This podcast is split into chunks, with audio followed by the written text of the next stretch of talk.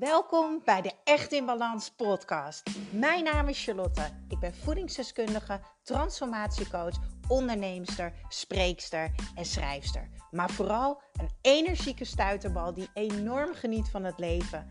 En ik gun het jou ook. En dat is dan ook mijn missie: om jou te helpen naar meer energie, rust in je hoofd en een leven echt in balans.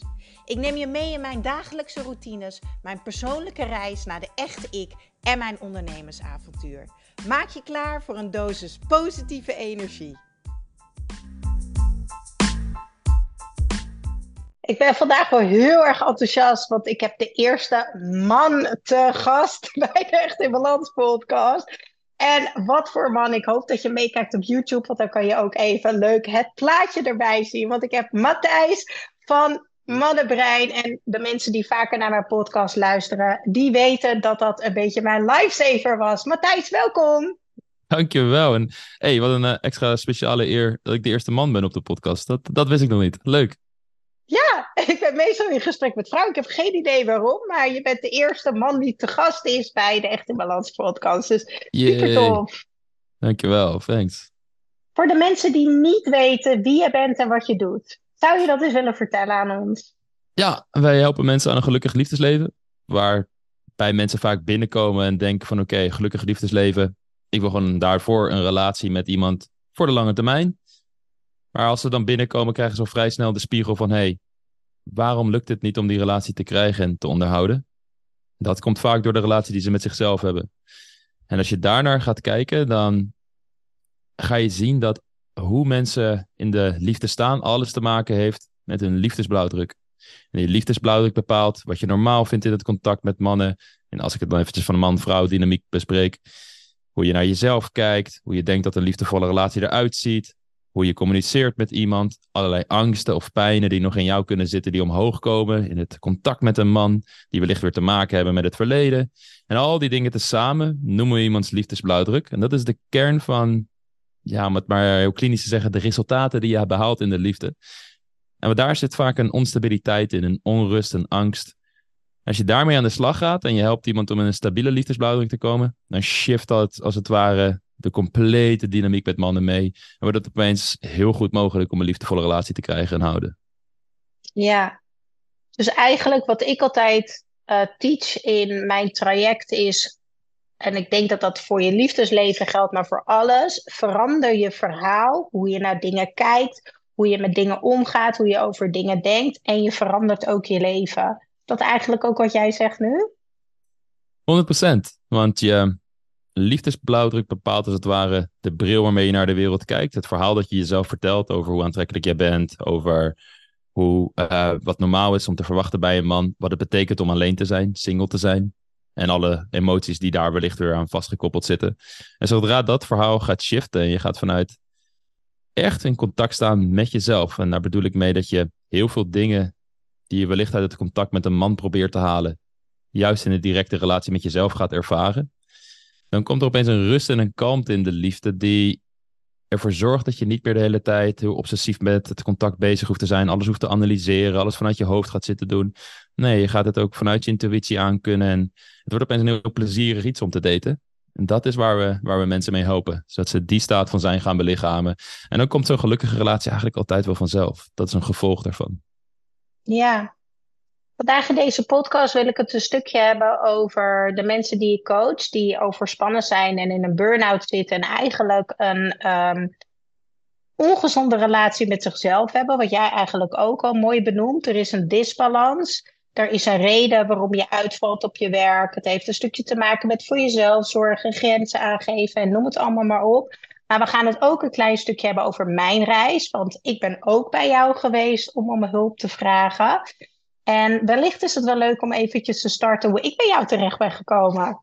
Doe het, tof. Ja, ja uh, want dat is geen geheim voor de mensen die meer podcasts van mij hebben geluisterd. Maar ik ben um, samen geweest met iemand, getrouwd geweest, koophuis gehad, alles. En ik ben zes jaar geleden ben ik uit elkaar gegaan.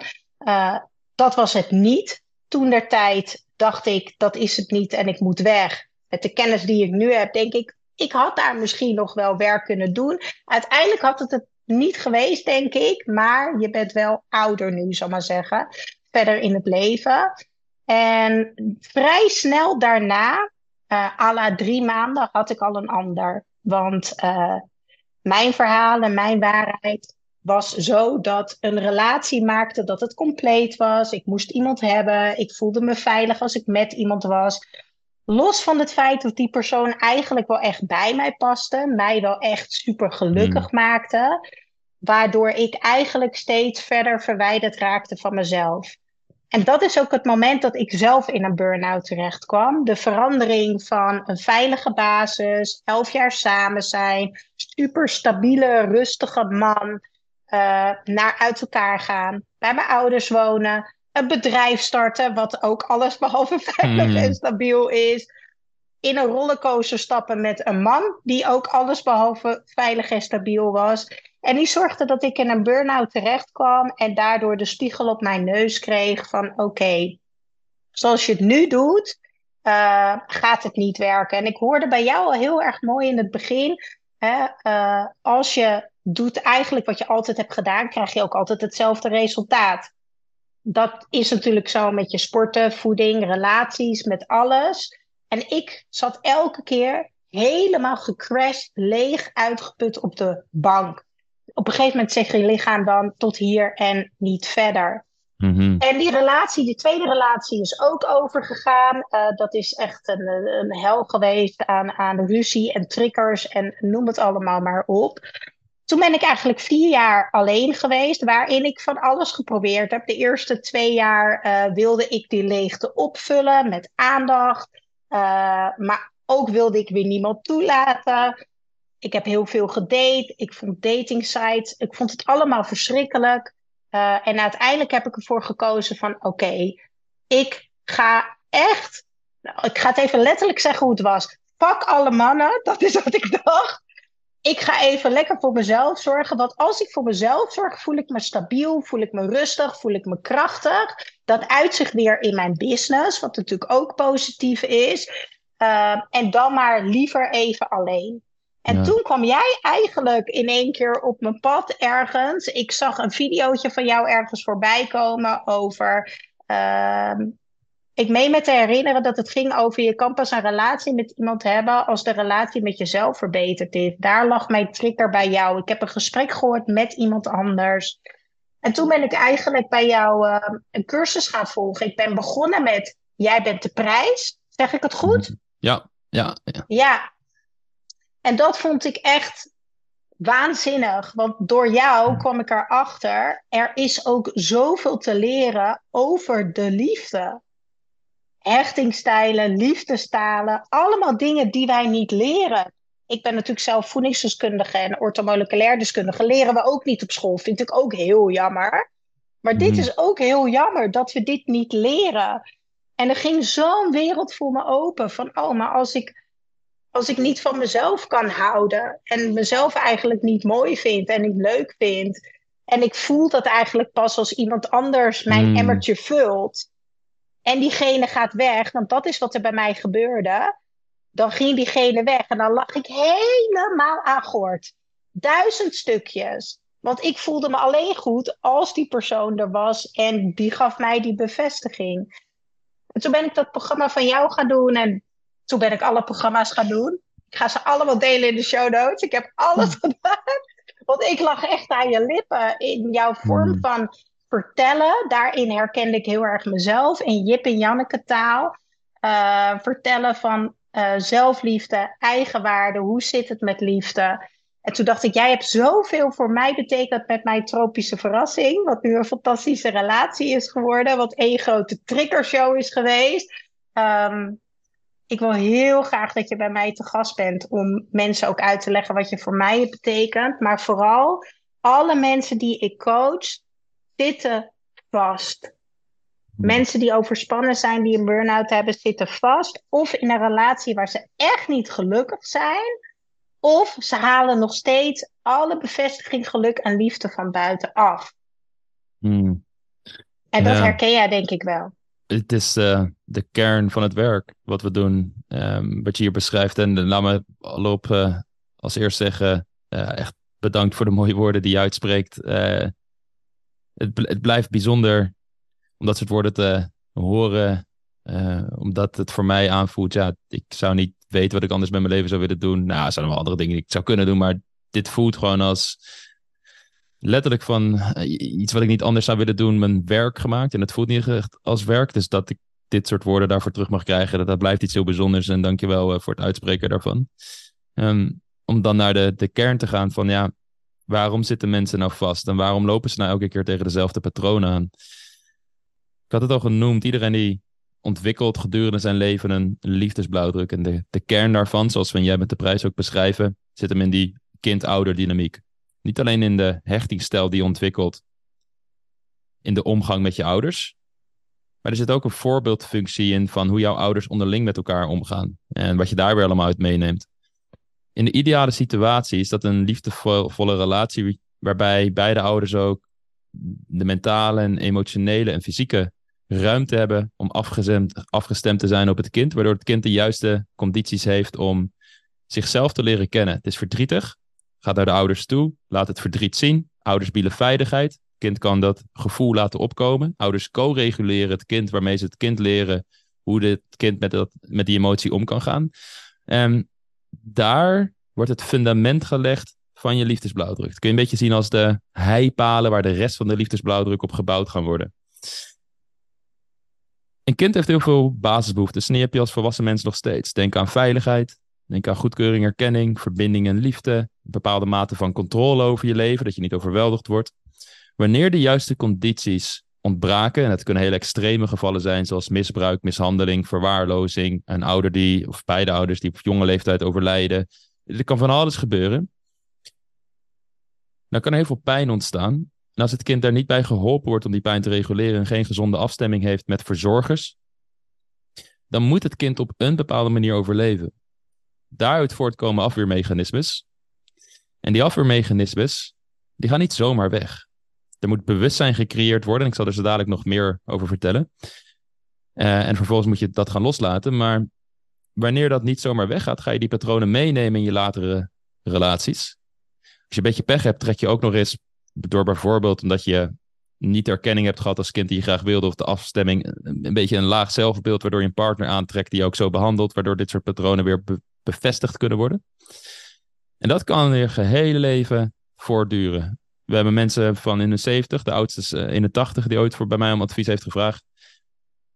Dit, het is mooi dat de mensen op die leeftijd naar, nog om advies vragen, maar ergens is er ook altijd de erkenning van het verdriet dat het leven anders had kunnen lopen. En daarom denk ik, sluit ik me helemaal aan bij jou, dat de bewustwording over hoe dit soort dingen werken, als we dat in jongere leeftijd aangeleerd krijgen, dat het zo'n groot goed zou zijn voor hoe we überhaupt in de maatschappij staan. En dingen zoals burn-out hier ook weer zeker mee gelinkt uh, worden.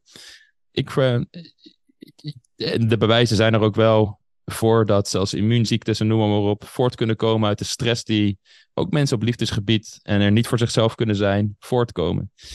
Zijn hele mooie boeken zoals uh, The Body Keeps the Score en When the Body Says No, van onder andere Gabor Mate, Bessel van de Kolk, uh, Traumasporen in het Nederland uh, van Bessel van de Kolk. Ja, dat zijn prachtige boeken die dit soort dingen uitdiepen. En ook de neurologische wetenschap, wetenschappelijke artikelen erbij benoemen en noem maar op. Maar dit is de kern. Dus oké, kind-ouderdynamiek, voorbeeld, functie van de relatie van je ouders. Er zijn er nog andere impactvolle gebeurtenissen in je leven, zoals pesten, die kunnen bijdragen aan de liefdesblauwdruk. Vinden mensen mij wel leuk?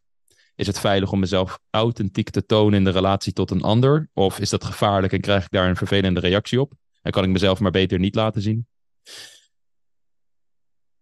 En zodoende, wanneer je dan in een relatie terechtkomt waarin je vastzit, of je merkt dat je heel erg angstig bent, of heel erg aan de verlatingskant zit, misschien zelfs aan de bindingsangstkant zit, dan is de allereerste stap om zo'n liefdesblauwdruk uiteindelijk los te gaan laten en dat te gaan ver veranderen naar een stabiele liefdesblauwdruk, is je überhaupt bewust te worden van wat er, wat is er nou eigenlijk gebeurd in mijn leven. Waar, want er, en dat is ook iets wat we, en jij met de prijs heel sterk naar voren laten komen, er is niks mis met je, maar er zijn dingen gebeurd waardoor je nu deze resultaten behaalt in je leven. En het is zeker niet dat Cupido voor jou geen pijlen heeft als het je maar niet lukt om een relatie te krijgen. Maar je bent wel de enige constante factor in al die situaties. Dus durf naar jezelf te gaan kijken. En wanneer je bewust gaat worden van, van dit soort patronen, en je hebt ze scherp. We kunnen vanaf daar heel doelgericht aan de slag om dat soort patronen los te gaan laten. En dat zit hem er meestal in dat je niet meer bang bent voor bepaalde emoties en sensaties. Ehm, net toevallig een coaching call met iemand waarin zij vrij bang was om alleen te zijn. En dat voelde heel onveilig aan voor haar. Wat, uh, waar komt dat uit voort? Nou, ze is opgegroeid in een gezinsdynamiek waarbij vader heel veel kon drinken en agressief was en er een onveilige sfeer thuis was. Haar moeder die was vooral bezig met vader en had haar eigen patronen en was depressief achteraf gezien. Dus zij heeft nooit die liefde en goedkeuring ontvangen die ze als kind heel graag wilde. Wereld voelde een beetje veilig aan, mannen voelen heel onveilig aan. Dat heeft ze altijd meegenomen in de rest van haar leven. En om daarmee om te gaan, lekker in het hoofd zitten, niet voelen in het lichaam, maar daar zitten al die onverwerkte emoties. En dan is de eerste stap dat door gaan hebben. En dat doen we soms door middel van bodyscans en meditaties. Maar soms is het zo heftig wat je kunt voelen, dat je dat niet in je eentje kunt doen. En wellicht zitten er bepaalde trauma's zelfs die getriggerd kunnen worden als je echt gaat voelen. Dus dan is het heel belangrijk om naar een therapeut en een psycholoog te gaan. Dat is ook niet wat wij doen, maar bijvoorbeeld traumatherapie zoals EMDR te krijgen, zodat je in ieder geval uit die fight-or-flight modus kunt ontsnappen, minder stress gaat ervaren en het wat veiliger gaat zijn om in je lichaam te zakken. En als je dan eenmaal in je lichaam gaat zakken, dan kun je opeens bewust gaan worden van naar wat voor basisbehoeftes verlang ik nou eigenlijk? Wat probeer ik nou nog eigenlijk uit het contact met mannen te halen? Bij het voorbeeld dat ik net aanhaalde bij deze vrouw was het bijvoorbeeld veiligheid en goedkeuring en erkenning. Maar dat zorgde ervoor dat ze soms naar een beetje dominante types toe kon trekken, omdat die haar een schijnveiligheid gaven. Ze waren namelijk, zij wisten wel eventjes hoe het leven geleid moest worden. En jij bent een fantastische vrouw, werd ze op een voetstuk gezet, maar hè, het komt wel goed als je maar bij mij blijft. Dan komt het allemaal wel goed. En dat, omdat ze die veiligheid niet in zichzelf kon ervaren, was dat een soort schijnveiligheid die dan die behoefte moest voorzien. Alleen ja, ze haalt het uit iets buiten haarzelf. Wat er in een hele afhankelijke en ook gevaarlijke positie plaatst, omdat je, um, wanneer die veiligheid niet in jezelf ervaart, ook sneller over bepaalde rode vlaggen heen stapt in de beginfase van het daten, die laten zien dat zo'n man eigenlijk helemaal geen stabiele, veilige basis biedt, maar heel dominant is en jij gewoon naar hem moet luisteren. Maar omdat je dat wellicht vanuit de dynamiek met je ouders ook zo bent gewend, stap je daar overheen en luister je niet naar je intuïtie van dit klopt niet. Terwijl sommige mensen het al wel enigszins voelen van dit is een beetje gek. Goed, dat is het inzicht dat ze heeft. Dus oké, veiligheid, goedkeuring, erkenning, heb ik niet voldoende gehad. Er zijn bepaalde patronen die ik uit mijn liefdesbuidelijk heb meegenomen. Dan is het dat in het hier en nu ervoor gaan zorgen dat ze die basisbehoeftes bij zichzelf kan gaan voorzien, zodat ze een gevoel van veiligheid, goedkeuring en erkenning in zichzelf gaat ervaren. Wat een emotionele shift is. Het is niet iets rationeels. Je kan niet voor de spiegel gaan staan, hé, hey, ik ben veilig. Je moet naar het lichaam gaan toe en dit aan jezelf gaan geven. Er zijn heel veel manieren om dat te doen. En het is soms teruggaan naar situaties uit het verleden waarin je als, als kind in een hele moeilijke situatie zat en niet kreeg wat je nodig had.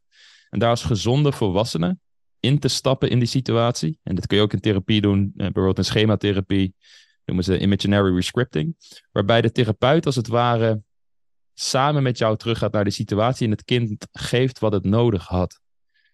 Zodat het kind, wanneer dat getriggerd wordt in het hier en nu, dezelfde angsten, jij begrijpt hoe je de gezonde volwassenenrol kunt aannemen, met compassie naar het kind kunt bekijken, het gerust kunt stellen. En niet meer helemaal meegenomen wordt door die emotie en getriggerd wordt en dus eigenlijk in het verleden leeft, je kunt in het hier en nu blijven, kalmte en rust uitstralen. En vanuit daar, als je dan zo'n man ontmoet die zo'n dominant type is en allerlei rode vlaggen tentoonstelt in het begin van het contact, dat ga je niet meer aantrekkelijk vinden. Omdat dat niks, dat matcht niet met hoe jij je van binnen voelt. Want jij voelt je opeens wel veilig en sterk. En je hebt die goedkeuring erkenning van hem niet nodig. En dan ga je een shift maken in het soort mannen waar je op valt. En dan kun je zelfs open gaan staan voor mannen die veiligheid bieden, die je wellicht nu niet eens ziet staan, omdat je niet verliefd op hun kan worden, omdat je met zoveel onrust en patronen in jezelf ziet, dat je alleen maar op types valt die dat spiegelen. En wanneer je dus de hele tijd in relaties terechtkomt waarin er van alles gebeurt, en, of en dit zijn dan wel best wel wat heftige verhalen, maar het zijn ook minder heftige verhalen, dat je gewoon wat verlatingsangst of bindingsangst hebt, of dat het ruzie hebt met je partner. Dat is herkenbaar hoor. Ja, dat, dan, dan zijn dat situaties die een spiegel zijn om die liefdesblauwdruk in kaart te gaan brengen. bewust te worden van de patronen. Vervolgens aan de slag te gaan met die emoties, zodat je daar niet meer bang voor hoeft te zijn. Dat je kunt gaan voelen in je lichaam, kunt voelen wat je nodig hebt. En dan kun je vanuit zelfvertrouwen, eigenwaarde, zelfliefde, kalmte, rust in het contact met mannen gaan staan. En dat shift alles. En dat is, uh, dat is het proces. En ja, om, uh, ik, ik, het is een lange rant, maar het is wel interessant om er nog op aan toe te voegen dat burn-out is over je eigen grenzen heen gaan. Ja. En wanneer je dus als kind niet hebt geleerd wat die grenzen zijn en die emoties niet wil voelen, dan is het lastig om te voelen waar je grenzen precies liggen, hoe je voor jezelf kunt zorgen, uh, wanneer iets te veel voor je wordt, omdat je vooral vanuit dat hoofd aan het denken bent. Dus hetzelfde proces wat je heel erg gaat helpen in de liefde, heeft een ripple effect op andere gebieden van je leven. Vaak ook bijvoorbeeld op het gebied van burn-out, omdat je heel goed gaat weten wie je bent en voor jezelf kunt zorgen. Uh, en bijvoorbeeld niet jezelf verliest in een please patroon waarbij je voor iedereen klaar staat. Maar je weet van, oh ja, dat is een patroon uit het verleden. Kan ik gaan loslaten. Ik ben liefde gewoon waard. Ik mag af en toe nee zeggen. En daarmee zelf, mezelf beschermen tegen situaties waarin ik de hoeveelheid stress die de situaties mij brengen niet meer aan kan. Dan kan ik dat soort dingen meer loslaten. Zodat ik niet doorschiet in zo'n overdrive en in een burn-out terecht kan komen. Ja. ja. Wat ik ook heel veel zie is dat mensen dus uh, die bij mij terechtkomen, die, die zitten dan in die overspannenheid of burn-out. En dan vertellen ze mij verhalen over hun relatie. En uh, dat raakt mij ook. Ik ben altijd heel erg betrokken bij de mensen die, die ik coach. Want daarin is natuurlijk ook al het stukje in je relatie zelf. Als je dus wel al die partner hebt. Hè, ja. Aangeven ten eerste wat je nodig hebt. Durven aangeven wat je nodig hebt. Maar ook je grenzen aangeven van hé, hey, ik vind het niet leuk als je zo met me omgaat of ik ben hier niet van gediend en noem het allemaal maar op. Um, hoe kijk jij daar tegenaan als mensen in een relatie zitten en hoe belangrijk is het dan om ook nog na 10 of 20 jaar te werken aan jouw eigenwaarde, zelfliefde en zelfvertrouwen? Ja. Hmm. Nou, eh, om in ieder geval um, het complete complete plaatje te geven. Je hebt natuurlijk de extreme situaties dat mensen in relaties zitten waar er daadwerkelijk plaats, mishandeling uh, plaatsvindt of, of echte dusdanige emotionele vernederingen. Daar wil je sowieso uit weg. Alleen het is soms moeilijk om weg te gaan uit zo'n situatie, omdat zo'n man ook, voor jouw gevoel, het gevoel van eenzaamheid weghoudt en het gevoel dat de wereld onveilig is en dat het onbekende in de wereld, wanneer je zo'n man loslaat, nog veel gevaarlijker is. Want je kan nu weten in ieder geval waar je aan toe bent. Dus dat zijn extreme situaties, maar het principe is wel hetzelfde. Namelijk heel erg bewust worden van wat voor basisbehoeftes probeer ik uit dit contact met hem te halen die ik niet aan mezelf kan geven. Dus dat, dat zijn extreme situaties, maar het is nog steeds wel belangrijk om te noemen dat het wellicht zo is dat sommige mensen in zo'n situatie zitten. Als naar de wat gangbare, meer brede situatie kijken waar de meeste mensen in zitten, dan is het Oké. Wat gebeurt hier nou precies in, in mij? Door wat voor bril bekijk ik deze reactie van mijn partner? Wat haalt het bij mij allemaal naar boven? Uh, om, om een heel simpel voorbeeld te geven. Stel je partner appt je een ochtendje niet en je schiet gelijk al in de stress. En dan denk oh, zal er iets zijn? Dan laat dat zien dat je een buitenproportionele reactie hebt op de daadwerkelijke situatie. Want in een veilige, liefdevolle relatie zijn autonomie en verbinding in balans. Wat betekent dat iemand een ochtendje weg kan zijn zonder dat hij in contact staat met jou, maar je voelt nog steeds verbinding. En je hebt vertrouwen dat het goed zit. Maar dat is wat je gewend bent in relaties. Het zit gewoon goed. En als er iets is, bespreken we dat. Voelen maar wanneer en vertrouwen. Jij... Dus wat je eigenlijk zegt is, het is een stukje voelen en een stukje weten. Ja, ja, ja en die twee, die twee zijn samen. Maar wanneer jij dat niet gewend bent, of je hebt exen gehad die je zomaar verlieten, of een, een, liefdesblauwdruk die veel meer onzeker is, dan kan het zo zijn dat jij de hele tijd bevestiging nodig hebt dat het goed zit en dat je dus vanuit angst in dat contact staat. En wanneer je dat bij jezelf gaat merken, dan is het interessant van oké, waar komt die angst vandaan? Hoe kan ik daarmee omgaan? En dan het hele proces wat ik hiervoor uh, had beschreven gaan doorlopen bij jezelf. Maar het kan ook zijn dat je bijvoorbeeld merkt van oké, ehm, ja, bij ons zit het vooral in ruzies. En ruzies lopen bij ons altijd zo hoog op. soms zit er daarin dat je dan zelf leert hoe je op een veilige manier kunt communiceren met je partner, zodat het niet naar dat niveau hoeft toe te gaan. Maar dan moet je die veiligheid in jezelf gaan ervaren, die kalmte en die rust. En bijvoorbeeld jezelf reguleren, zodat je kalm kunt blijven, niet je stem gaat verheffen, niet in verwijten spreekt, maar ehm, bijvoorbeeld heel duidelijk aangeven van, hey, laatst gebeurde dit en ik merkte dat het mij een beetje verdrietig maakte of eh, geïrriteerd maakte. En ik ben heel erg benieuwd hoe jij dat ziet.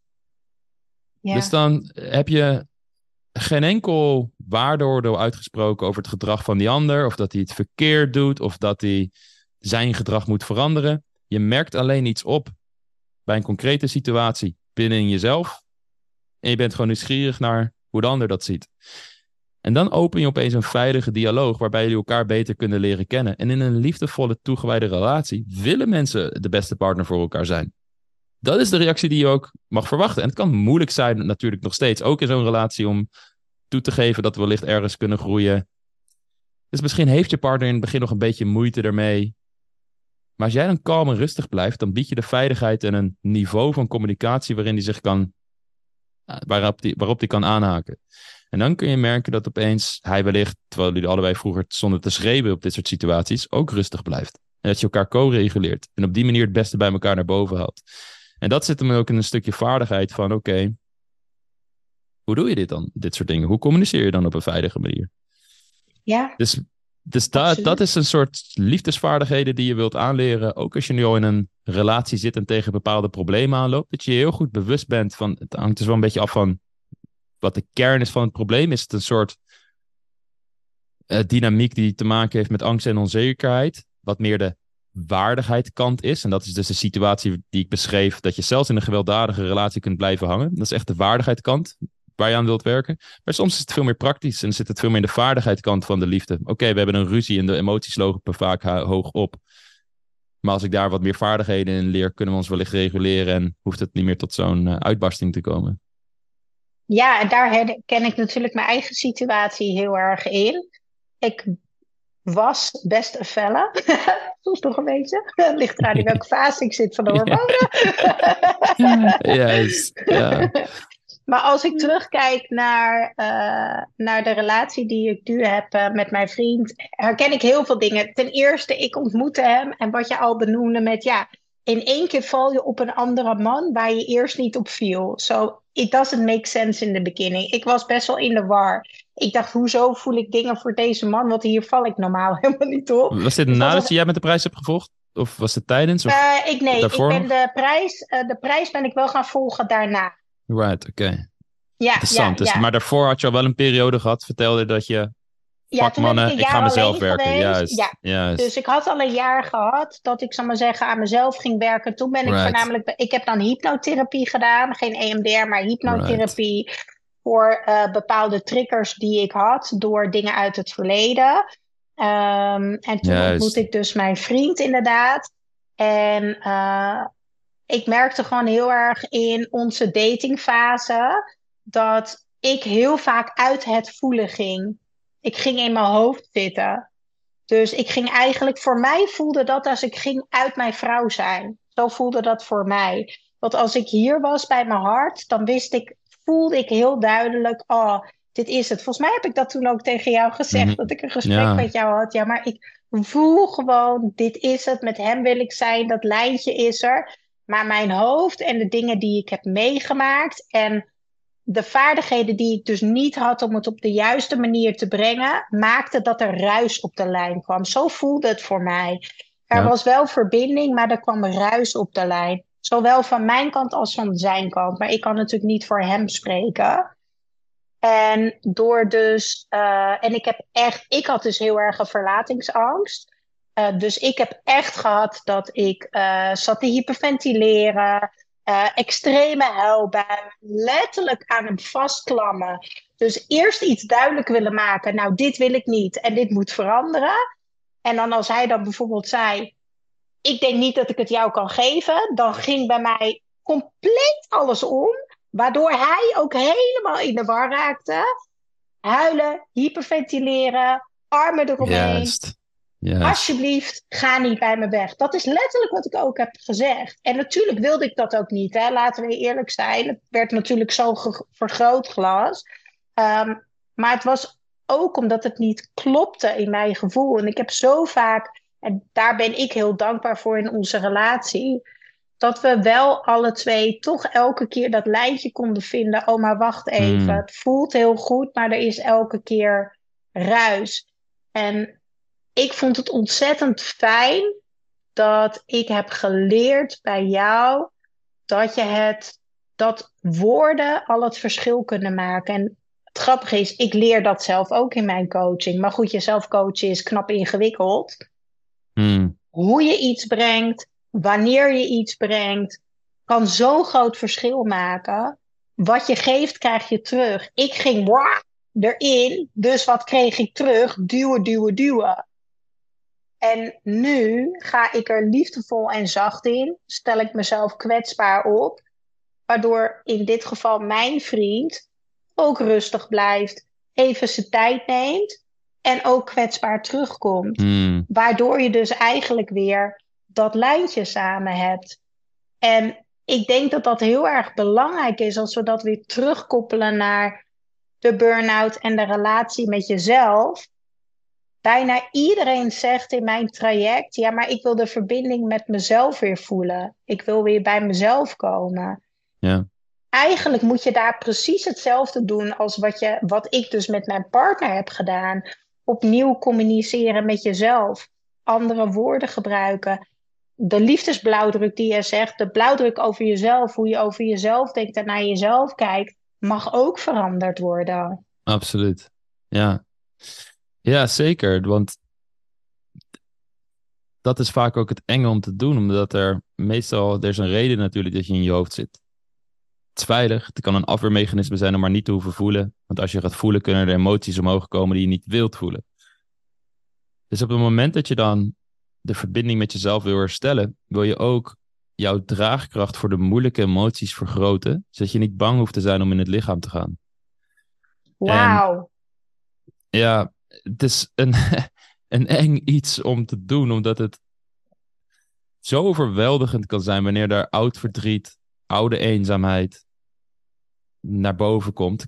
Om je een idee te geven, laatste coach iemand en ehm, zij verstijfde helemaal in het contact met mannen op het moment dat ze, dat ze getriggerd werd. Maar ja, waar kwamen we achter? Ja, ze, ze um, had een vader die haar kon mishandelen uit het niets en heel erg onvoorspelbaar was, waardoor zodra er spanning tussen haar en een man in het hier en nu komt, zij diezelfde freeze-reactie had als vroeger, want ze kon niks als kind. Het was, was afhankelijk van hem. Dus ze moest die relatie op een manier in stand houden want ja, je kan nergens heen, letterlijk. Maar je kan ook niet vechten, je kan ook niet vluchten. Dus de reactie die je dan gaat vertonen is een freeze-reactie. Dat wat ze nog steeds in contact met mannen had. Waardoor ze dus ook mannen kon aantrekken die soortgelijke patronen kon herhalen met wat met haar vader heeft gedaan. Om te gaan herkennen dat dat niet normaal gedrag is en die rode vlaggen dus in het begin te gaan herkennen en, en dat los te kunnen laten, moet je dus in je lichaam kunnen zakken. Maar die freeze-reactie is de enige manier die jou beschermt tegen de emoties die daar nog zitten en de pijn uit het verleden. En wat je dan dus wil doen is die pijn gaan verwerken, zodat je in je lichaam kunt landen. En om die pijn te, te verwerken moet die draagkracht getraind worden, zodat je vanuit daar de verbinding met het voelen kunt gaan laten herstellen. En dit is weer een heel extreem geval, maar het laat wel het mechanisme heel duidelijk zien. Dus vandaar dat ik vaak de wat extremere gevallen aan uh. Maar het kan ook minder extreem zijn. Het kan ook zijn dat jij met een bepaalde onzekerheid in jezelf kampt. Of dat je gewoon heel graag een relatie wil. Dat je, omdat ja, je, je voelt je wellicht wat eenzaam. Je woont op jezelf. En je hebt zoiets van ja, maar ik wil, ik wil ook gewoon genegenheid en liefde. Wat de hartstikke normale menselijke uh, behoeftes zijn. Maar omdat dat een beetje overweldigend kan zijn, ga je niet in dat lichaam zakken. En ja. blijf je vooral heel erg focussen op doe ik het wel goed? Ga ik wel de relatie krijgen? Wat moet ik nu precies tegen deze man zeggen om het gewenste resultaat te krijgen? Oh, wat betekent deze gedraging van hem? Zit het nog wel goed? En dat allemaal omdat dat een soort bliksemafleider is van de daadwerkelijke emoties die je niet wil voelen. En het resultaat met die man er moet voor zorgen dat je eindelijk rust en kalmte en, en fijn, eh, fijne emoties gaat ervaren. Terwijl als je dat loslaat en je gaat dat al bij jezelf opwekken en dat aan jezelf geven, zul je merken dat je veel minder daarmee bezig hoeft te zijn. Geldt dat ook voor de man? Moet een man tijdens het daten ook, uh, want een man is natuurlijk meer van het denken, maar moet een mhm. man ook naar beneden zakken en oh, 100%. voelen? Jij hebt, ik, nou, laat me dit uh, vragen. Wellicht heb je wel eens in de kroeg of uh, op, op, andere gelegenheden mannen ontmoet die vrij erg uh, in hun hoofd zaten bijvoorbeeld. Of die een gesprekje met je aanknoopten, maar je voelde er een soort gek gevoel bij misschien. Een soort, soort, soort van, ja, hoe zou ik het beste kunnen beschrijven? Een soort awkwardness, een soort onzekerheid die doorschijnt. Heb, heb je dat wel eens dat soort ervaringen gehad? Nou, ik had het bij mijn partner in het begin. Right, right. Ja, dat hij heel erg vanuit zijn hoofd was. Waardoor het voor mij ook voelde alsof ik geen verbinding kon maken hoor. Ja, ja. En je krijgt ook niet zijn meest authentieke kant te zien. Dus hij zal ook niet zijn lekkere, vrije, losse zelf zijn, grapjes maken, een verhaal vertellen als hij er zin in heeft. En puur omdat hij gewoon het leuk vindt om dat verhaal te delen, niet omdat hij iets mee wil bereiken. Dus wat wij met mannen doen op trainingen is bijvoorbeeld, uh, wij geven niet alleen trainingen en coaching in één op één in een afgesloten ruimte. We gaan ook daadwerkelijk de straat op of een bar in, zodat ze wel mensen moeten afstappen. Dat is een soort exposure therapy. Ja. En een van de eerste dingen die we doen, omdat we niet willen dat ze een soort masker ontwikkelen, een versiermasker, nu ga ik een vrouw aanspreken, is ze juist naar een gevoel toelaten. Oké, daar, daar is iemand die je uh, aantrekkelijk vindt, die je zou willen ontmoeten. Wat voel je nu in je lichaam? En dan zie je dat heel veel mannen zich flauw benul hebben van wat ze voelen. Maar als je dat niet voelt en je gaat die emoties onderdrukken, je gaat je dan een soort wilskracht maar aanspreken, dan zit er gigantisch veel ruis op de lijnen met hoe je communiceert met die andere persoon. Dus een van de eerste dingen die we mannen aanleren is van oké, als jij spanning voelt of je bent bang voor iets, gaan we eerst jouw reactie op die spanning en die angst veranderen. En een van de beste manieren om dat in het begin te doen in zo'n situatie is radicale eerlijkheid. Ga het maar uitspreken tegen haar. Om je een heel mooi voorbeeld hiervan te geven. We, we coachten iemand en hij Um, is een, eh, een half Egyptische man. En we waren hier in Amsterdam. En uh, uh, zag iemand lopen. Dus we, hè, hij moest op haar afstappen. Maar we merkten van ja, met ziel onder zijn arm stapt hij erop af. Helemaal niet. In ons gesprek was hij heel los en vrolijk, hele leuke man. Maar bij haar zat er een soort geremdheid op, een soort gek iets. We vroegen aan hem: wat, wat is er? Weet je wel, waar, waar ben je mee bezig? Hij zei: ja, ja, ik woon in Amsterdam. En ja, ik vind het toch eh, een beetje gek als een, een, een, bekende mij straks ziet dat ik op een vrouw afstap of zo. Het geeft me toch een gek gevoel. Dus ik zei, oké, nou ja, ik snap die angst. Ga dat maar uitspreken tegen haar. Dat je het eigenlijk een beetje gek vindt of eng vindt, want je woont hier, bla bla. Maar wees er eerlijk over, want dan gaat die angst weg, omdat je hem niet meer hoeft weg te drukken. Maar we, dat ging niet doen, maar we zagen nog steeds van, ja, dit, dit klopt niet helemaal. Hij is nog steeds een soort van in een soort angstige staat. Dus we vroegen, maar wat is er nou echt? Waar hij toen op uitkwam, wat zo diep zat, was, ja, Ehm, hier in de grote steden er zijn hele campagnes over catcalling, mannen die vrouwen nafluiten en, en noem maar op. En hij zegt, ja, er is daar een stereotype dat dat ook soms buitenlandse mannen zijn die dat doen. Ik ben half Egyptisch. Het laatste wat ik wil is een, op een vrouw afstappen, haar een eng gevoel geven of een, een, een awkward gevoel en dat ik bijdraag aan het stereotype. En zei, ja, dat begrijp ik helemaal. Maar als jij daar allemaal mee bezig bent, in je, hoofd? in je hoofd. En die angst in je meedraagt. En jij wil gewoon een interactie hebben waarbij je een compliment aan iemand geeft en eventjes gewoon contact wil maken zonder verdere bedoelingen. Dan zit er zoveel ruis op die lijn. Dus ga dit maar uitspreken aan haar dat je hier bang voor bent. Nou, hij weer op iemand afgestapt. Die vrouw die, die stopt. Hij, hij, je ziet hem dat verhaal vertellen. En daarna een soort opluchting. Maar het mooie was, hoe zij reageerde, was van ja, wauw, ik, ik vind het super mooi juist dat je dit doet. Je hebt mijn dag gemaakt met het compliment dat je me gegeven hebt. Ik ben wel getrouwd. Maar blijf hier alsjeblieft mee doorgaan. Want ik denk dat meer mannen op zo'n manier op vrouwen af zouden stappen. Dat, dat oprecht de wereld een betere plek zou maken. En date ook een stuk leuker zou maken. Omdat het gewoon heel respectvol, open en eerlijk is. Ja. En dat is dus hetgene waar het voor mannen ook net zo belangrijk is om in contact te komen met hun emoties, maar ook in relaties. Want heel veel bindingsangst bij mannen komt ook voort dat ze niet goed weten wat hun gevoelens nou exact zijn. Een vrouw wel heel leuk vinden en in het begin zit er ook nog heel veel lust bij, maar het is ook nieuw en het is leuk. En ze vinden die vrouw oprecht leuk. Ze laten zich leiden door al die emoties die ze voelen. Gaan daardoor veel te snel, eigenlijk sneller dan ze zelf ook zouden willen. Gaan je misschien zelfs al schatje Oh, noemen. Je bent de beste, je bent de leukste. En wat er vervolgens gebeurt, is dat die vrouw ook vaak zoiets heeft. Als zij ook een beetje uit een onstabiele liefdesblauwdruk komt. Wellicht ook een beetje verlatingsangst. Kan van alles zitten. Ze gaat erin mee. Krijgt gevoelens voor hem. Gaat het natuurlijk terug uiten. Waardoor hij weer zoiets heeft van... Oh shit, maar dit gaat misschien wel te snel. Want nu krijgt zij verwachtingen van mij. Maar ik weet eigenlijk niet zo goed wat ik voel. En de tijd dat ze die ze gespendeerd hebben samen... was misschien ook te kort om echt diepe aantrekkingskracht... en diepe connectie te ervaren. Waardoor het ook logisch is dat hij nog niet verliefd is op een niveau... zoals hij het graag zou willen ervaren. Dan komt hij in paniekmodus. Kan nog steeds niet met die emoties omgaan. Wat heeft hij wel geleerd? Afstand nemen. En dan krijg je de hele dynamiek van bindingsangst en verlatingsangst. En mannen schieten zichzelf daar net zo hard mee in hun voet. Als, als vrouwen die aan die dit soort patronen vastzitten. Dus het is net zo belangrijk voor mannen om dit te doen als voor vrouwen. Ja, nou, dit was het begin van mij en de heerlijke tropische verrassing.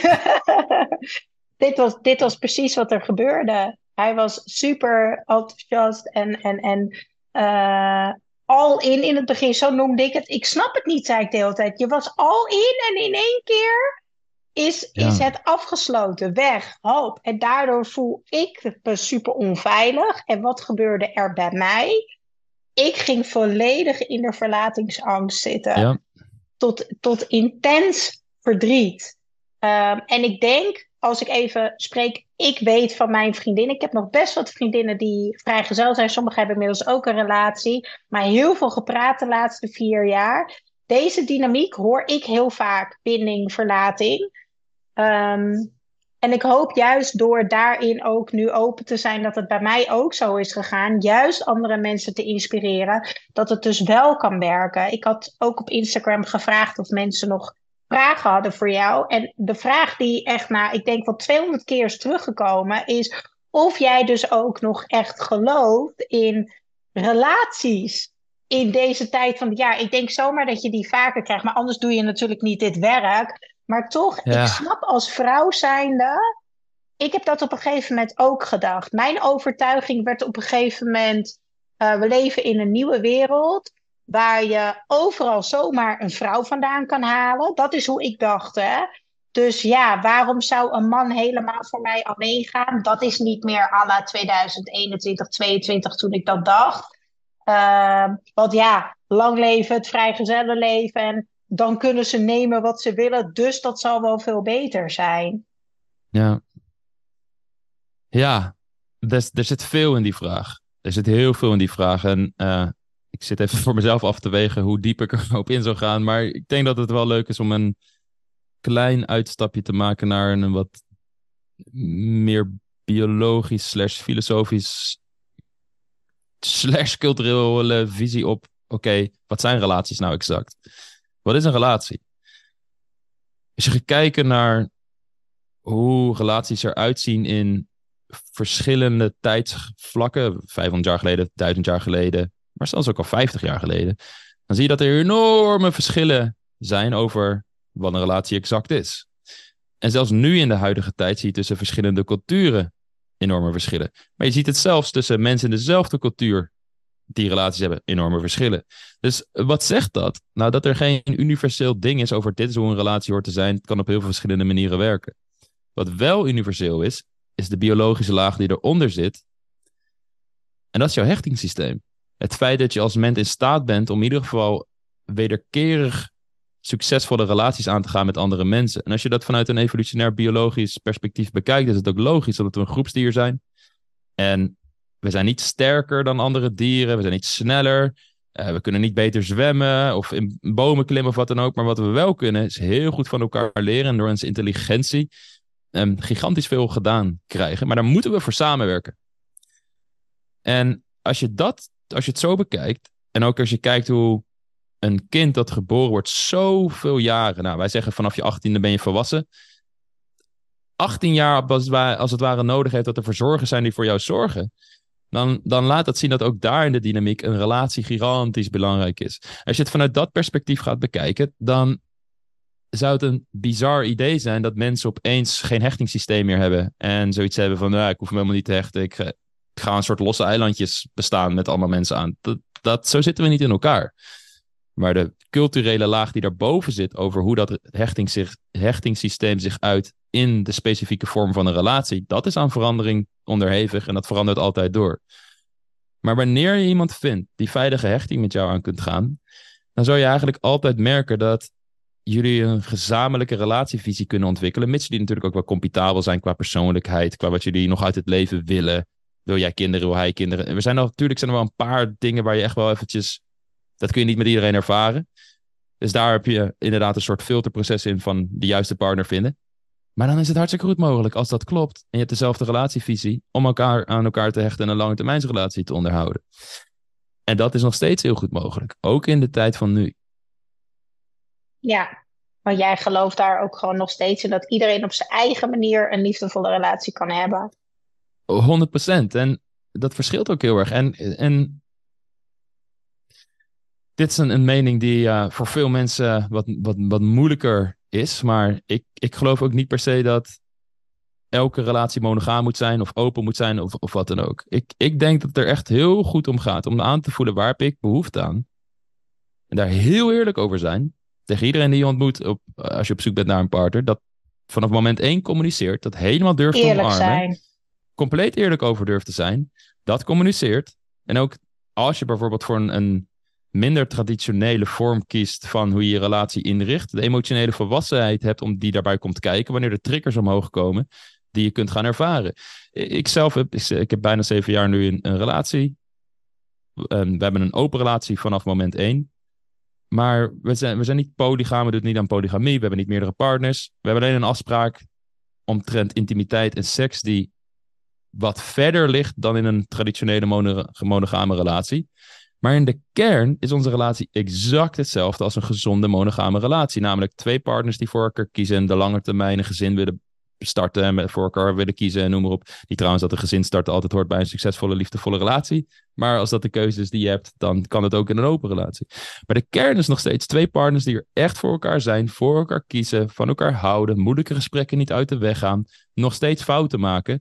Maar wat is dan weer de reactie op die fouten en hoe communiceer je daar weer mee? Nog steeds ruzie kunnen hebben, maar hoe maak je ruzie? En ga je na de ruzie weer herstel toenaderingen doen? En, en dat zijn de vaardigheden die je zelf wil leren. En dan zul je merken dat er partners zijn met wie dat resoneert. Die zoiets hebben van: oh wauw, wat fijn dat deze vrouw of deze man dit ook kan. Dit voelt als thuiskomen. En um, toevallig laatst hoorde ik nog van iemand die zei van ja, vroeger was werken, uh, die bij ons want ik hoor dit vaker. Vroeger was werken aan een relatie vervelend. Maar wanneer je gaat werken aan een relatie met iemand die daarvoor open staat, is het een haast plezierige activiteit. Omdat je er beloningen voor terugkrijgt en de relatie dieper exact. wordt.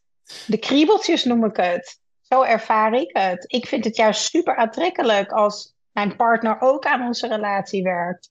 Daar word Absoluut. ik hartstikke opgewonden van. ja.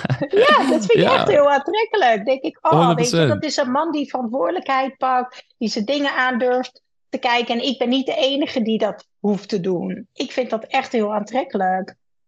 Exact. En andersom is dat net zo. Ook voor mannen is dat heel aantrekkelijk om te zien bij vrouwen. En wanneer je dat gaat uitstralen en dat begint dus bij die relatie met jezelf, is het heel goed mogelijk om een partner aan te trekken die dat ook voelt. Ja, ja. dus daarin zeg je eigenlijk uh, gewoon, wees altijd jezelf in, spreek je verlangens uit, ook al voelt het heel kwetsbaar. Maar als je jezelf bent en je spreekt je verlangens uit wat jij nodig hebt, of het nou een open relatie is, of monogamie, of veel knuffels, of wat je ook nodig hebt in een relatie, dan kan je iemand aantrekken die daar echt bij past. Exact. Exact. En, en dat over jezelf zijn, weet ook wat. Want kijk, hè, mensen zeggen, um, dit is het meest gehoorde advies in de liefde. Je moet gewoon jezelf zijn. Alleen het, het, het laat zo'n groot tekort aan psychologisch inzicht zien. Ehm, ehm, wanneer het op die manier gegeven wordt. Omdat er zijn heel veel dingen die jij aan je meedraagt. Die vertrouwd aanvoelen. Die je al heel je leven doet. Die als we echt gaan kijken naar jouw authentieke kern. Waarschijnlijk niet echt jouzelf zijn. Als jij complete paniek schiet op het moment dat een man geen appje stuurt. Is dat jezelf zijn? Ondanks, als je, weet je, als je dat je hele leven al doet, of is dat een angst die je hebt aangeleerd door bepaalde situaties uit het verleden die getriggerd worden hierdoor, waardoor je in die angst gaat leven. Dus zelfs op zo'n situatie, kijk, jezelf zijn gaat, er wel echt voor, gaat het er wel echt om een eerst goed door te gaan hebben. Wat, wie ben ik dan? Wat vind ik fijn? Wat mij heel helemaal... erg heeft geholpen is wie wil ik zijn? En dat betekende niet dat ik mezelf niet was.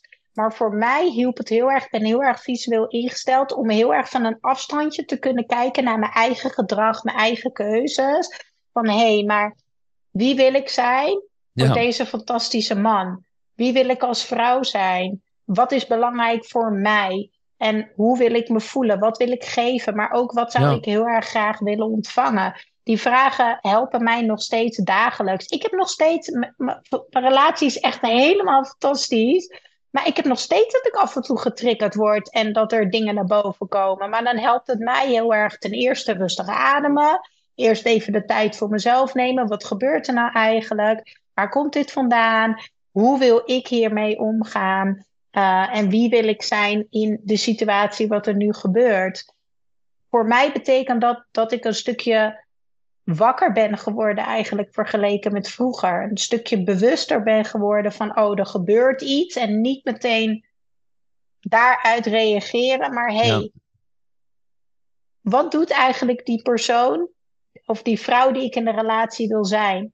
En dat ging ik voor mezelf ook heel visueel maken. Oh, hoe ziet die vrouw er dan uit? Wat doet ze dan? Uh, welke keuzes maakt ze? Hoe voelt ze zich? En door daarop in te tunen met mijn gevoel, ging ik uit mijn hoofd. Dat werkte voor mij heel erg. Zeer herkenbaar. Zeer herkenbaar. Ik uh, heb dit soort dingen toen ik allemaal net mee begon ook gedaan. En nog steeds is dit heel belangrijk. En dan heb ik het over het visueel maken van de persoon die je die goed voelt en die je graag wil zijn. En het, je zal altijd getriggerd blijven worden. Er zullen altijd situaties zijn, maar het gaat erom dat je dan de tools hebt om daarmee om te kunnen gaan. En dat het geen bedreiging voor de relatie hoeft te zijn. En wanneer je dat stadium bereikt, dan komt er een vertrouwen en een zekerheid in die relatie, een veiligheid, waarbij je niet bang bent voor het moment dat hij je gaat verlaten of wat dan ook. Want je hebt er heel veel vertrouwen in van het komt goed. We kunnen op een fijne manier met elkaar communiceren. En uh, ja, dat is een gevoel dat ik, uh, dat ik iedereen gun. Ja. 100 procent. Zeker. Ik heb nog twee vragen die ik met je wil delen. Yes. Um, en dat is een vraag die, uh, of eigenlijk een overtuiging die ik ook heel erg heb meegekregen vanuit huis uit. Mijn moeder zei altijd, en zegt overigens nog steeds: super lief man, ik snap het. Um, ja, maar liefde is genoeg. Ja, maar waar liefde is, kom je er altijd uit. Mm Ik persoonlijk ben er juist achter gekomen dat in mijn vorige relaties was dat mijn overtuiging. En daardoor ging ik over grens, over grens verloor ik mezelf. In mijn nieuwe relatie ben ik er juist achter gekomen dat het de combinatie is van heel veel liefde, maar ook de communicatie in wat je eigenlijk wil. Jij ja. benoemde het volgens mij ook, je moet wel gesprekken hebben over, ja, is jouw droom samenwonen met iemand? Of is jouw droom een kind? Of is jouw droom samen reizen? Als jij vanuit je hart echt zo graag de wereld over wil reizen en je ontmoet iemand en je bent tot over je oren verliefd en je houdt zoveel van die persoon, maar die droom die er ooit was, die zo groot was, die gaat steeds meer naar de achtergrond. Want ja, liefde is genoeg en dan moet ik dat misschien niet doen dat is niet meer waar ik in geloof. Ja. Wat als je het alle twee kan hebben? Dat geloof ik. En die waanzinnige liefde. En die wereldreis, stel dat het je droom is. En die dromen waarmaken. Ik heb nu een man gevonden waar ik en al die liefde voel. En we hebben samen willen we iets moois gaan starten. Bed and breakfast, noem het allemaal maar op. Dus ik kan gewoon alles met hem. Ja, ik, uh, het is eh, een opmerking die ik gigantisch vaak bij me krijg. Van ja, maar het voelt zo goed met hem. En het is zo mooi met hem. En de connectie is er, en de aantrekkingskracht is er. En we passen zo goed bij elkaar. En al die dingen kunnen kloppen. Dat kan helemaal waar zijn. En er kan gigantisch veel verliefdheid zitten. Maar het betekent niet dat je een leven met die persoon kunt leiden. En dat is het verschil wat de relatietherapeut Esther Perel zo mooi maakt. Tussen een liefdesverhaal een levensverhaal. En een liefdesverhaal is een verhaal waarbij je iemand fantastisch kunt vinden. Maar er is geen toewijding. In een levensverhaal ben je daadwerkelijk computabel. Je hebt een gezamenlijke relatievisie en er is toewijding van beide partners om niet alleen liefde voor elkaar te voelen, maar ook echt voor elkaar te zijn. En een keuze te maken van oké, dit is het verhaal dat we samen gaan schrijven. En wanneer je die twee dingen van elkaar weet te scheiden, dan kun je gaan inzien dat je met iemand te maken kunt hebben voor wie je gigantisch veel liefde voelt, maar waar je nooit een levensverhaal mee kunt schrijven. En wanneer je dat dan durft los te laten en ook, en ook gaat inzien dat wanneer jij jezelf verzekerder gaat voelen, beter in je vel gaat zitten, beter bij je gevoel kunt komen, dat het heel goed mogelijk is om diezelfde gevoelens te ervaren bij iemand anders die ook voor jou kiest. En dat er niet één de waar is op deze wereld, maar dat er heel veel mensen zijn waar je op verschillende manieren een prachtig leven mee zou kunnen hebben. En dat maakt juist de keuze voor dan die ene persoon waar je voor kiest om je leven mee te spenderen, des te bijzonderder. Ja, want je kiest Omdat- echt, je kiest Juist. echt voor die persoon. Ja, Exact. En niet vanuit een schaarste van, oh, jij bent de enige die me deze gevoelens kan geven. Ik weet dat ik deze gevoelens met iemand kan ervaren, maar ik kies ervoor om het met jou te doen.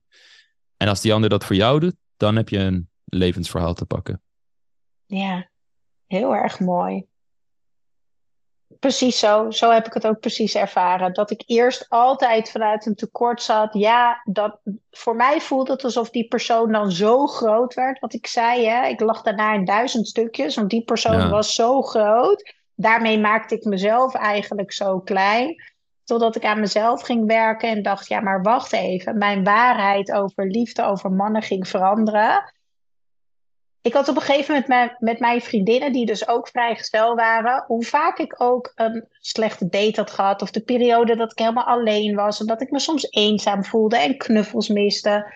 Ik zei altijd tegen mijn vriendinnen: er zijn zoveel leuke mannen die heel graag met mij een tof leven willen gaan starten. Hmm. En ik weet gewoon zeker. En ook al werkt het niet met iemand, ja, maar er zijn nog zoveel leuke mannen. Dus ik was ook wel verdrietig en ik baalde ook wel.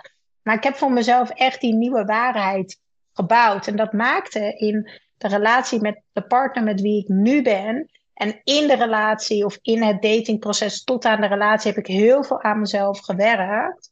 Dat ik op een gegeven moment dacht: oké, als hij nu weggaat, heb ik heel veel verdriet. Want hij betekent echt zoveel voor mij. En ik heb echt voor hem gekozen, want ik wil het met hem.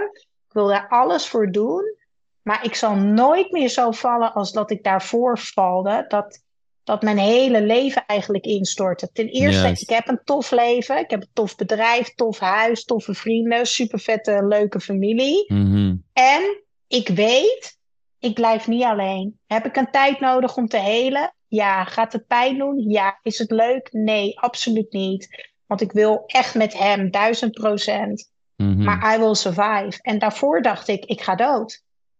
Zo voelde dat. Mm. Ja, dat is, eh, dat is precies de shift die je wil maken. Van oké, ik ga oké zijn als ik deze partner verlies. En het kan me nog steeds verdriet doen, maar dat betekent niet dat ik nooit meer gelukkig kan zijn. En dat, Ja. zodra dat vertrouwen echt in je, in je landt, dan, als je hem dan nog verder trekt. Mensen zeggen wel eens tegen me van ja, ben je niet bang dat je in een open relatie verliefd kunt worden op een andere persoon? Nou, het interessante is dat ik krijg gigantisch veel mailtjes, berichtjes, situaties bij me van mensen die in monogame relaties zitten en verliefd worden op een andere persoon. Dus het is niet alsof de relatievorm je daartegen beschermt. Waar het wel om gaat, is dat je inziet dat, dat zelfs, en dit is een regel die ik met mijn vriendin heb ook, als je iets mist in je relatie, maar je bent er mi- misschien niet eens van bewust en je vindt dat terug bij een ander, is de eerste persoon met wie je dat wil bespreken je partner. En als je dat naar elkaar uitspreekt van oké, dat is geen bedreiging voor de relatie, maar een interessante situatie waar wij als team naar kunnen kijken, dan biedt dat een fundament van vertrouwen dat je waarschijnlijk überhaupt al niet verliefd of zo op iemand zou worden. Maar een van de dingen die je ook kunt ervaren is dat je in een open relatie kunt merken van oké, het gras is niet per se groener aan de andere kant. En zelfs als het net zo groen is, dan zal het me niet gelukkiger maken dan ik nu al ben. Dus waarom zou ik in hemelsnaam een relatie opgeven als ik daar echt gelukkig in ben om met iemand anders verder te gaan? Ja. En ik zeg niet dat iedereen een open relatie moet hebben, want dit hangt niet zozeer af van de relatievorm. In een, mo- een monogame relatie is dit net zo. Dus oké, ik merk iets in het contact bij die ene collega op werk. Wat zegt dat over mijn relatie? Misschien niet dat de relatie verkeerd is, maar dat er iets is waarin we allebei kunnen groeien om die behoefte meer te voorzien. Ja.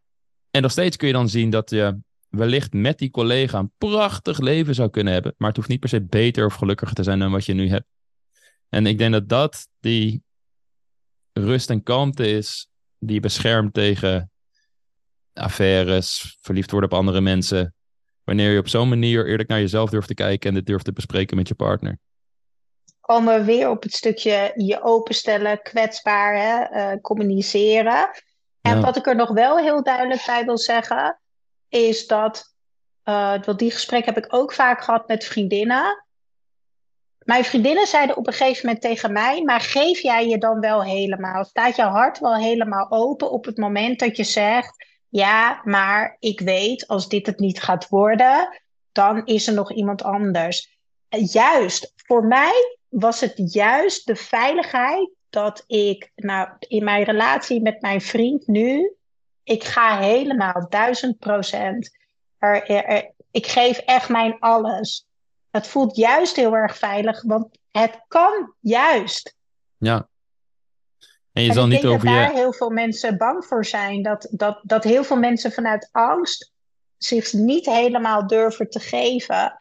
Terwijl Ja. als jij weet, het zit hier goed. En stel dat het hier niet meer goed zit, dan is het daarbuiten ook goed.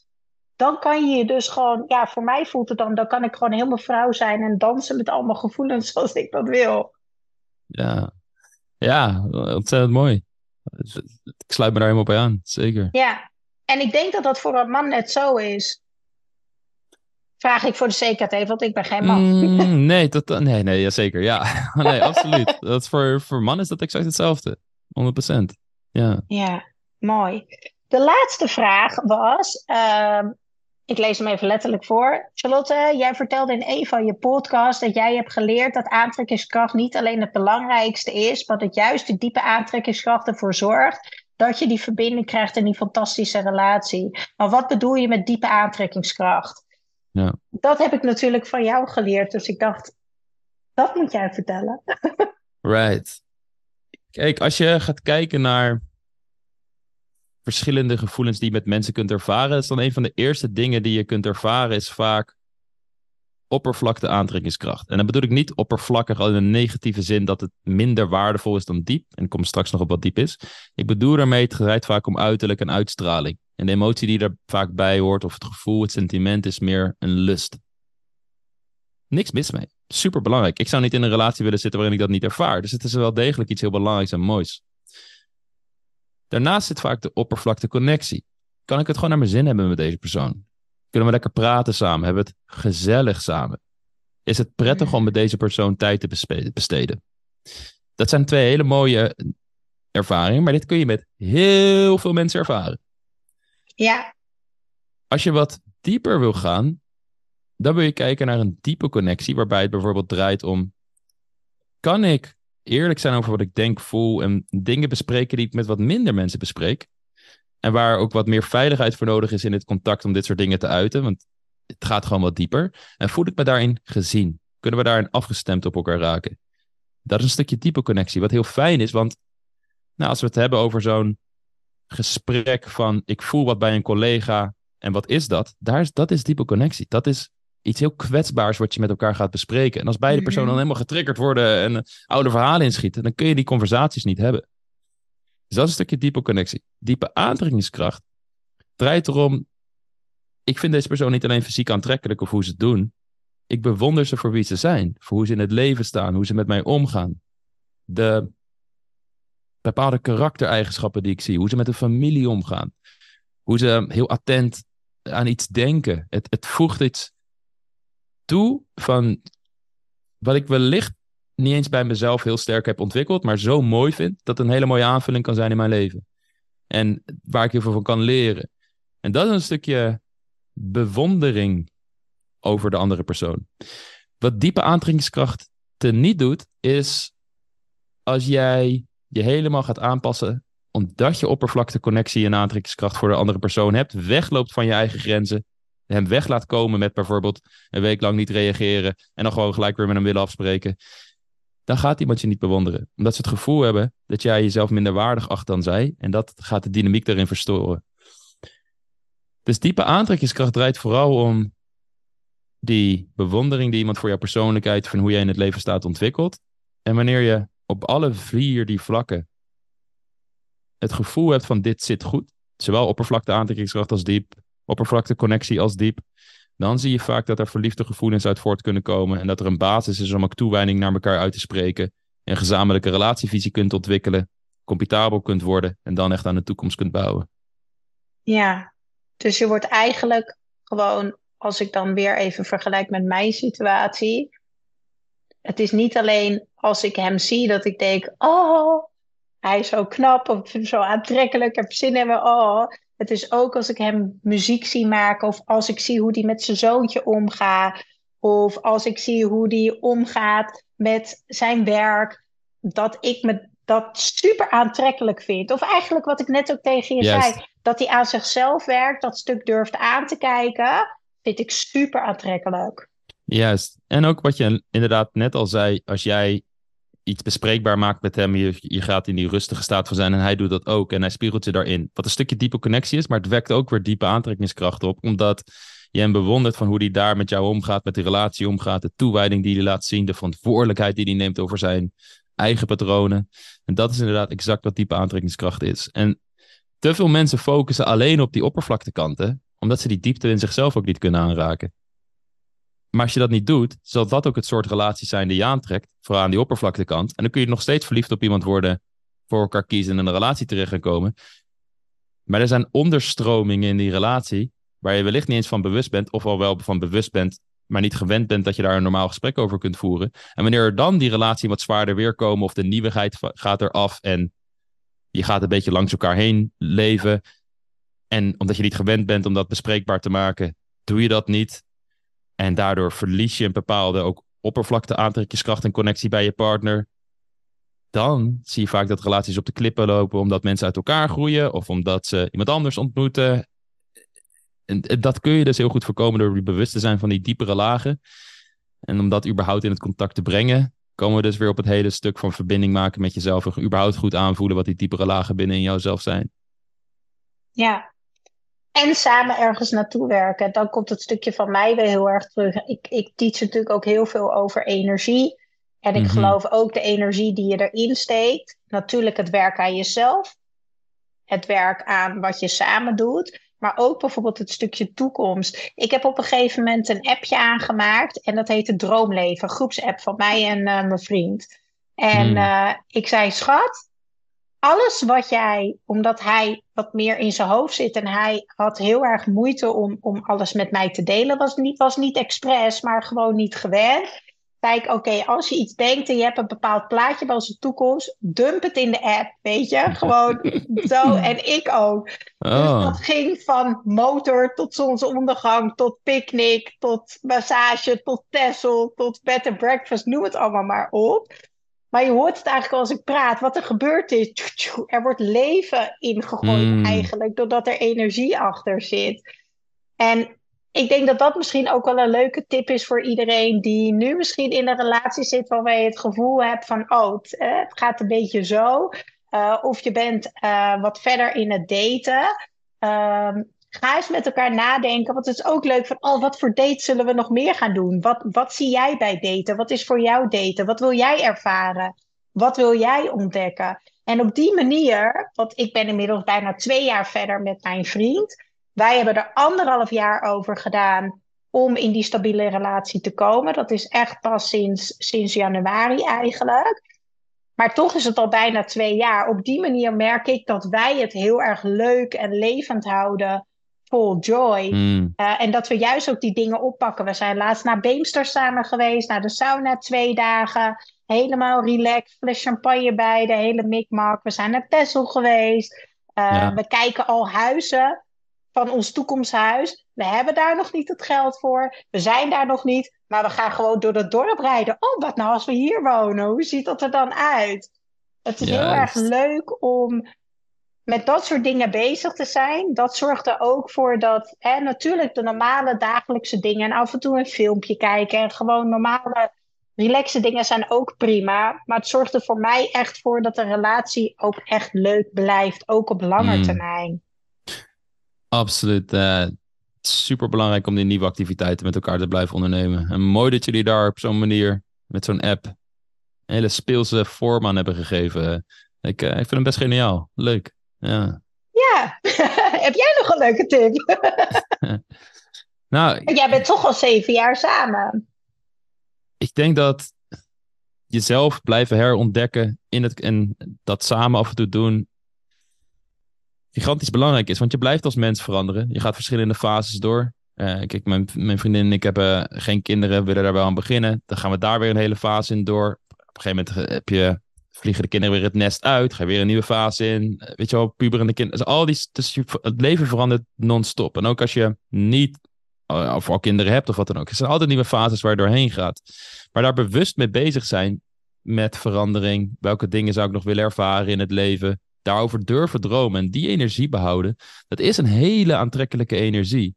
Ook wanneer nou, mijn, mijn vriendin en ik zijn laatst bijvoorbeeld een motorrijcursus samen gaan doen. En het was gewoon heel leuk om dat samen met haar te ervaren. Gewoon puur de activiteit zorgt voor heel veel plezier en, gen- en, en genot. Nieuwe Ehm, prikkels. nieuwe prikkels. Wij, gaan, we gaan binnenkort. eh, ik eh, vertrek voor een paar dagen naar Albanië voor een, voor een reis. En we gaan daar een tocht maken van acht dagen te paard met gidsen. Kijk, de- paardrijden is iets wat ik zeker niet kon. En omdat ik dat een keer samen met haar had gedaan eh, eh, op een vakantie. Ik dacht eigenlijk, oh, dit is eigenlijk hartstikke leuk. Ik hou van dieren. Het is echt een nieuwe soort vaardigheid. En het is heel anders om op een, op een paard natuur te verkennen dan wanneer je gewoon een wandeltocht maakt. Dus ik dacht, wow, dit, dit is leuk. Dat gaan ontdekken. Eerst voor mezelf door gewoon lessen te nemen. En nu gaan we samen zo'n tocht doen. En zo zijn er heel veel verschillende... Dit zijn wat meer sport, sportieve uitingen. Maar het kunnen allerlei soorten dingen zijn die je samen leuk vindt om te ontdekken. Eh, dat zorgt er voor een natuurlijke levensenergie, nieuwigheid ook, die in de relatie blijft zitten. En het is belangrijk om dat eh, te onderhouden, omdat aan het begin van de, van de relatie heb je een natuurlijke nieuwigheid, omdat je elkaar nog leert kennen en er gewoon heel veel dingen nieuw zijn. Maar op een gegeven moment ga je een soort karikatuur vormen van wie je partner is, wat hij wel en niet leuk vindt, wat zijn gewoontes zijn, zijn hobby's zijn, eh, en, en noem maar op. En dan gaat die nieuwigheid eraf.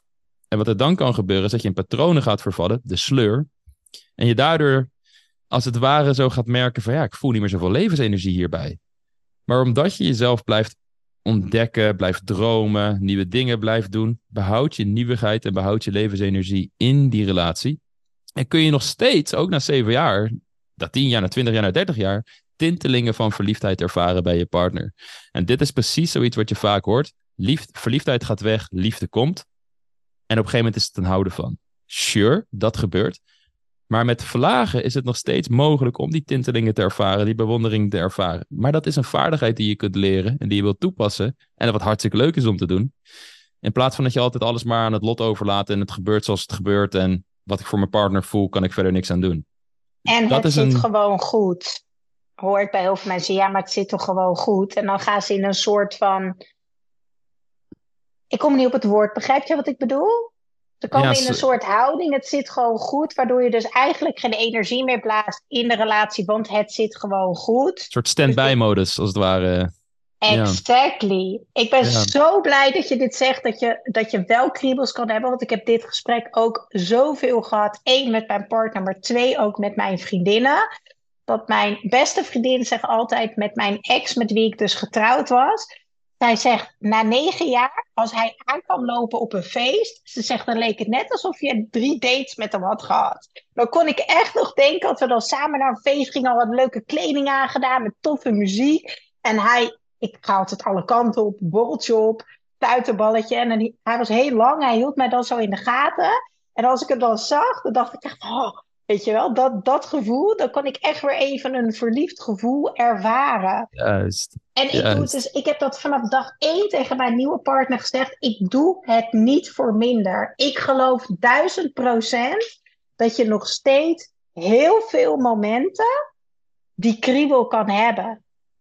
Heel veel momenten. Ook na 20 100%. jaar. 100%. En eh, we, we kennen allemaal wel de filmpjes van eh, een bejaard echtpaar dat in de woonkamer staat te schuifelen.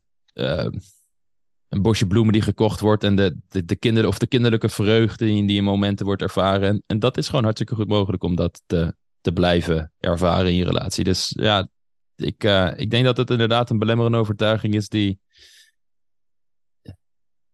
losgelaten mag worden. En wanneer dat gebeurt, er we heel anders naar liefde en verliefdheid gaan kijken. Ja. Zeker weten. Ik ben zo blij dat jij uh, te gast wilde zijn. Volgens mij, ik ga even op de klok kijken. de anderhalf uur. ik had nog drie uur met je kunnen kletsen. Ik wil je echt onwijs bedanken dat je zoveel tijd hebt vrijgemaakt uh, voor ons uh, op de Echt in Balans podcast. Dit was heel leuk, heel fijn, heel waardevol. Dank je wel daarvoor. Thanks voor de uitnodiging. En echt super ook de persoonlijkheid, die, de persoonlijke voorbeelden die erin ligt. Dus bedankt voor je openheid hierin. En uh, ik heb genoten. Ik vond het ontzettend leuk om te doen. Thanks. Leuk, dankjewel. Ik ga in de show notes ga ik mensen eventjes uh, doorsturen naar je Instagram, TikTok, noem het allemaal maar op. En ook ja. eventjes naar Jij bent de prijs. Die zou ik iedereen ook echt absoluut aanraden. En jij ziet er vanzelf voorbij komen wanneer die live is. Super, dankjewel. En uh, ja, ik, uh, ik zit nu te denken, misschien is het wel leuk, leuk om dat gelijk ook op de podcast te doen. Ik denk dat het heel mooi is als je ook een keer uh, in de Mannenbrein podcast langskomt. Ja, leuk. Ja, gaan we doen. Zet ik je even op de spot hier live nog in de opname? nee hoor, vind ik super leuk. Want ik weet zeker mooi. dat ik heel veel mensen kan inspireren met met het verhaal hoe mijn uh, uh, fantastische liefdesrelatie. Wat, wat, het is echt, het is echt heel heftig ook geweest. Dus, Daarom. Uh, en ik, ik weet ja. dat er heel veel mannenbrein-luisteraars ook zijn die in een soortgelijke situatie zitten. En de succesverhalen van vrouwen die het proces door hebben doorlopen. Dat is het mooiste ja. voorbeeld. Dat geeft de meeste kracht om er zelf ook doorheen te gaan. Dus ik vind het heel mooi dat je dit deelt, er zo open over bent. Omdat ik echt weet dat hier mensen ontzettend veel aan hebben. Dus thanks daarvoor. Dat is echt heel mooi om te zien. Ja, zeker weten. Stuur me maar een bericht. Ik ben er. Will do. Geniet van je avond. Ciao, ciao. Doei, doei. Doeg.